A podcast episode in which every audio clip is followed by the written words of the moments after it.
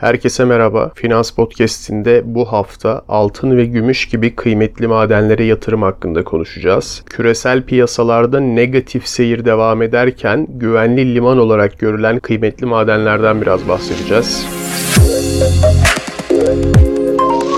Altın binlerce yıl boyunca insanlar için güvenli liman olmuştur. Krizlerde Yatırım adlı podcast bölümümüzde altından biraz bahsetmiştim. O bölümü dinleyenler konuya aşina olsa da altının neden güvenli liman kabul edildiğini anlamak için bu bölümde altın yatırımını geniş bir perspektifte ele alarak bu kıymetli metalin yatırımcılar için avantajları, dezavantajları, küresel olayların etkisi ve mantıklı olup olmadığına dair derinlemesine bir inceleme yapacağız. Altın tarih boyunca para birimi olarak kullanılmış, zenginlik ve güç sembolü olmuş ve birçok savaşında nedeni olmuştur. Bu sebeple tarihsel olarak da değerli bir varlık olarak kabul edilir. Ekonomik belirsizlik dönemlerinde güvenli bir liman olarak kabul edilir çünkü devalüasyon, enflasyon veya ekonomik krizler sırasında yatırımcıların varlıklarının değerini yüksek oranda korumalarına yardımcı olur. Altın sadece ona yatırım yapmaktan ziyade bir yatırım portföyünü çeşitlendirmek için kullanılabilir. Bu kusursuz bir portföy olmasa bile riski azaltılmış bir portföye sahip olmanıza yardımcı olur. Çünkü altın genellikle diğer varlık sınıfları ile negatif korelasyona sahiptir. Zaman içinde değerini korur, uzun vadeli bir yatırım olarak enflasyona karşı koruma sağlayabilir. Öte yandan düşük getiri potansiyeline sahiptir ve aylarca veya yıllarca değer kazanmayabilir. Ayrıca fiziksel altın saklamak riskli olabilir ve güvence maliyetleri yüksektir. Küresel olaylar altının değerini büyük ölçüde etkileyebilir jeopolitik çatışmalar, ekonomik krizler ve döviz hareketleri altının fiyatını etkileyebilir. Fakat borsaların aksine genellikle pozitif yönde olur. Altın sadece bir yatırım aracı olarak değil, aynı zamanda endüstriyel ve teknolojik kullanımlar için de önemlidir. Bu nadir bir metal olduğu için altın fiyatlarını zamanla etkileyebilir. Altın farklı yatırım şekilleriyle ticareti yapılabilir bir varlıktır. Fiziksel altın bankalardan satın alınabilen adet gram altınlar, vadeli altın piyasaları, altın yatırım fonları gibi çeşitli seçeneklere sahibiz. Kripto paralar ve dijital varlıkların yükselişi altının geleceğini etkileyebilir. Gelecekte dijital altın veya merkezi olmayan alternatif dijital varlıklar altınla rekabet edebilir hale gelebilir. Ancak günümüzde en azından yakın gelecekte altın için böyle bir tehlike görünmüyor. Ancak regülasyonların sadece bir gecede alınabilecek kararlar kadar uzakta olduğunu bildiğimizden temkinli olmakta yarar var. Bir gün altının yerini alacak bir dijital varlık tanıtılıp merkez bankaları tarafından da kabul görürse düşse şaşırmayın yani. Altın yatırımcının hedeflerine ve risk toleransına bağlı olarak mantıklı bir yatırım olabilir. Tamamen altından oluşan portföy bana göre fazla ürkektir. Ancak çeşitlendirme ve risk yönetimi stratejinizin bir parçası olarak kısmi olarak yer vermeyi düşünebilirsiniz. Daha çok risk alabileceğiniz genç yaşlarda portföyünüzün %10'undan fazla oranda altına pay ayırmak yine bana göre fazla garanticiliktir. Öte yandan risk iştahından uzak daha ileriki yaşlarda altının portföyünüzdeki payı %20'leri hatta 30'ları bile aşsa garipsemem. Borsada bireysel olarak risk almanın daha zor olacağı döneminizde bu kabul edilebilir. Tamamen kendi göğüsleyebileceğiniz risklere göre bu orana karar vermelisiniz. Ben şahsen son 2 yıldır portföyümde Bitcoin'den bile daha az altın tutuyorum ama bu kararınızı etkilemek amacıyla değil merak edenler olacağı için söylediğim yatırım tavsiyesi olmayan bir bilgi. 2 sene önce ise durum tam tersiydi. Yaş ilerledikçe altının oranının artması gerektiğini söyleyip tersini yapıyor yapıyor olmam kafanızı karıştırmasın. Ben olması gerekeni söyleyip bana göre yapmam gerekeni yapıyorum. Önümüzdeki kripto para boğa sezonundan sonra yine tekrar 2 yıl önceki gibi altının Bitcoin yatırımımdan yüzdesel olarak portföyümde daha fazla olacağı bir dönem gelecek. Fazla dinamik bir portföyüm olduğu için bu karmaşayı yönetebiliyorum. Siz beni örnek almak yerine doğru kabul edileni yapın derim. Altın yatırımı karmaşık bir konu ve yatırımcıların dikkatli bir şekilde araştırma yapması önerilir. Altın bir portföyün önemli bir parçası olabilir ancak tek başına bir yatırım stratejisi olarak kullanmak her zaman mantıklı olmayabilir. Altının nasıl alacağınız da kişiden kişiye göre değişkenlik gösteren bir ayrıntı. Fiziksel altını alsanız saklamak için ayrıca bir çaba sarf etmeniz gerekecek. Çalınabilir, sel deprem gibi felaketlerde size bir şey olmasa bile altınlarınızı kaybedebilirsiniz vesaire. Bankalardan gram olarak satılan altınlar bankalara ne kadar güveniyorsanız o kadar güvenlidir. Sonuçta altını değil altının adını satın alıyorsunuz. Tıpkı bir kripto para alır gibi orada bir rakam oluyor sadece. Altın fonu alırsanız alım satım komisyonu gibi şeylerden kurtulursunuz ama bu sefer de fon yönetim ücreti adı altında tutarlar kesilir. Ama en azından fonun şöyle bir avantajı var. Bir gram altın ücreti fazla geliyorsa bir iki bardak kahve parasıyla da altın fonuna ortak olabilirsiniz. O nedenle fonlar gram ya da fiziksel altın almaya yetmeyen ufak sermayeyi biriktirmek için yardımcı olabilir. Gümüş ve diğer kıymetli maden yatırımları da benzer şekilde altın gibi değerli metallerdir ve yatırım portföyünü çeşitlendirmek için kullanılabilir. Gümüş altın gibi güvenli bir liman olarak görülmese de endüstriyel kullanım için büyük talep gören bir metaldir. Bu nedenle gümüşün fiyatı endüstriyel talep ve arz faktörlerinden altına kıyasla daha çok etkilenebilir. Platin, paladyum ve bakır gibi diğer kıymetli metallerde yatırım amaçlı kullanılabilir. Ancak bunlar altın ve gümüş kadar yaygın değildir ve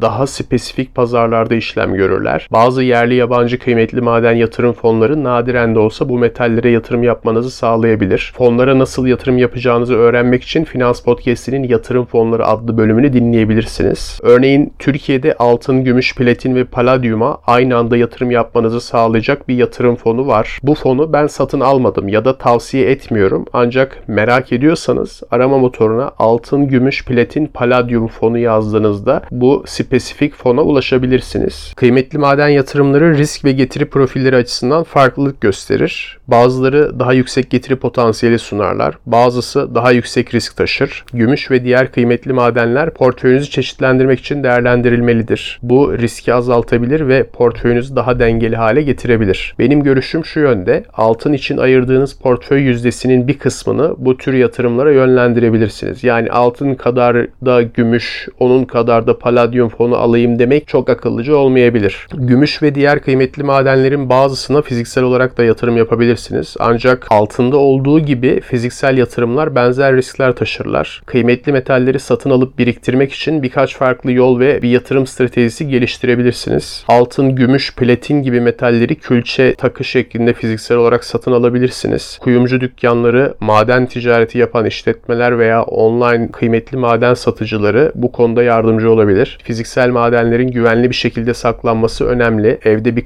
kasa veya bankada bir kiralık kasa kullanabilirsiniz. Kıymetli madenler için borsada işlem gören fonlardan bahsetmiştik. Bu da bir yöntem. Bu yöntem fiziksel madenlere yatırım yapmadan fiyat hareketlerinden avantaj elde etmek isteyenler için bir seçenek olabilir. Vadeli işlemler ve opsiyonlar kıymetli metallerin fiyat hareketlerine spekülatif yatırım yapmayı mümkün kılar. Ancak bu yüksek riskli bir strateji ve yeterli bilgi ve deneyim gerektirir. Yani falanca enstrümanın fiyatı artacak. Ben bu artışa şu kadar para basıyorum gibi bir yatırım şekli bu. Bu yöntemde ufacık bir istisnai hareket bile zincirleme tepkimeyle beş parasız kalmanıza sebep olabilir. Benim yeterli bilgi ve deneyimim olsa dahi bu tür işlemlere girmiyorum. Tavsiye de etmiyorum. Maden üreticisi şirketlerin hisselerine yatırım yaparak da kıymetli maden sektöründen faydalanabilirsiniz. Bu sektördeki gelişmelere bağlı olarak getiriler elde etmenizi sağlayabilir. Bunlar dışında birkaç önemli hususa bazısı tekrar olacak ama değinmek istiyorum. Yatırım yapmadan önce neden kıymetli metalleri almak istediğinizi ve yatırım hedeflerinizi netleştirin. Yatırım yaparken amacınızı net bir şekilde belirlemelisiniz. Kıymetli maden yatırımlarınızın kısa vadeli mi yoksa uzun vadeli mi olduğunu, risk toleransınızı ve getiri beklentilerinizi anlamak önemli. Portföyünüzü çeşitlendirmek artık biliyorsunuz ki şart. Tek bir madene yatırım yapmak yerine altın, gümüş ve diğer metalleri bir araya getirebilirsiniz. Kıymetli metallerin oynak olabileceğini unutmayın. Herhangi bir yatırım öncesi piyasa koşulları ve madenler hakkında araştırma yapın. Profesyonel tavsiyeler veya finansal danışmanlık almaya da değerlendirebilirsiniz. Bu daha bilinçli yatırım kararları vermenize yardımcı olabilir. Kıymetli metaller genellikle uzun vadeli yatırım araçlarıdır. Özellikle fiziksel madenlerde kısa vadeli spekülasyonlardan kaçının, sabırlı olun ve duygusal tepkilere izin vermeyin. Fiziksel madenleri güvenli bir şekilde saklamak için uygun önlemleri alın. Bunların bazısından bahsetmiştik. Saklama yerinizi dikkatli bir şekilde seçmeli ve sigorta gibi önlemler almalısınız. Bu çalınma veya kaybolma riskini azaltır. Son olarak kıymetli maden piyasasının sürekli olarak değiştiğini hatırlatalım. Ekonomik ve jeopolitik gelişmeleri takip ederek yatırım stratejinizi güncel tutun. Bu hafta Finans Podcast'inde başta altın olmak üzere kıymetli maden yatırımlarını portföyünüze nasıl dahil edebileceğinizi konuştuk. Önümüzdeki haftaya kadar bana Finans Podcast'i kullanıcı adıyla sosyal ağlardan ve finanspodcasti.gmail.com e-posta adresi üzerinden yazabileceğinizi hatırlatmış olayım. Soru cevap bölümünü duyurduğumdan beri güzel sorular geliyor. Bazısını o bölüme dahil edeceğim edeceğim. Siz de soru cevap bölümünde yanıtlamamı istediğiniz bir şey olursa bana az önce söylediğim kanallardan sorularınızı iletebilirsiniz. Görüşmek üzere.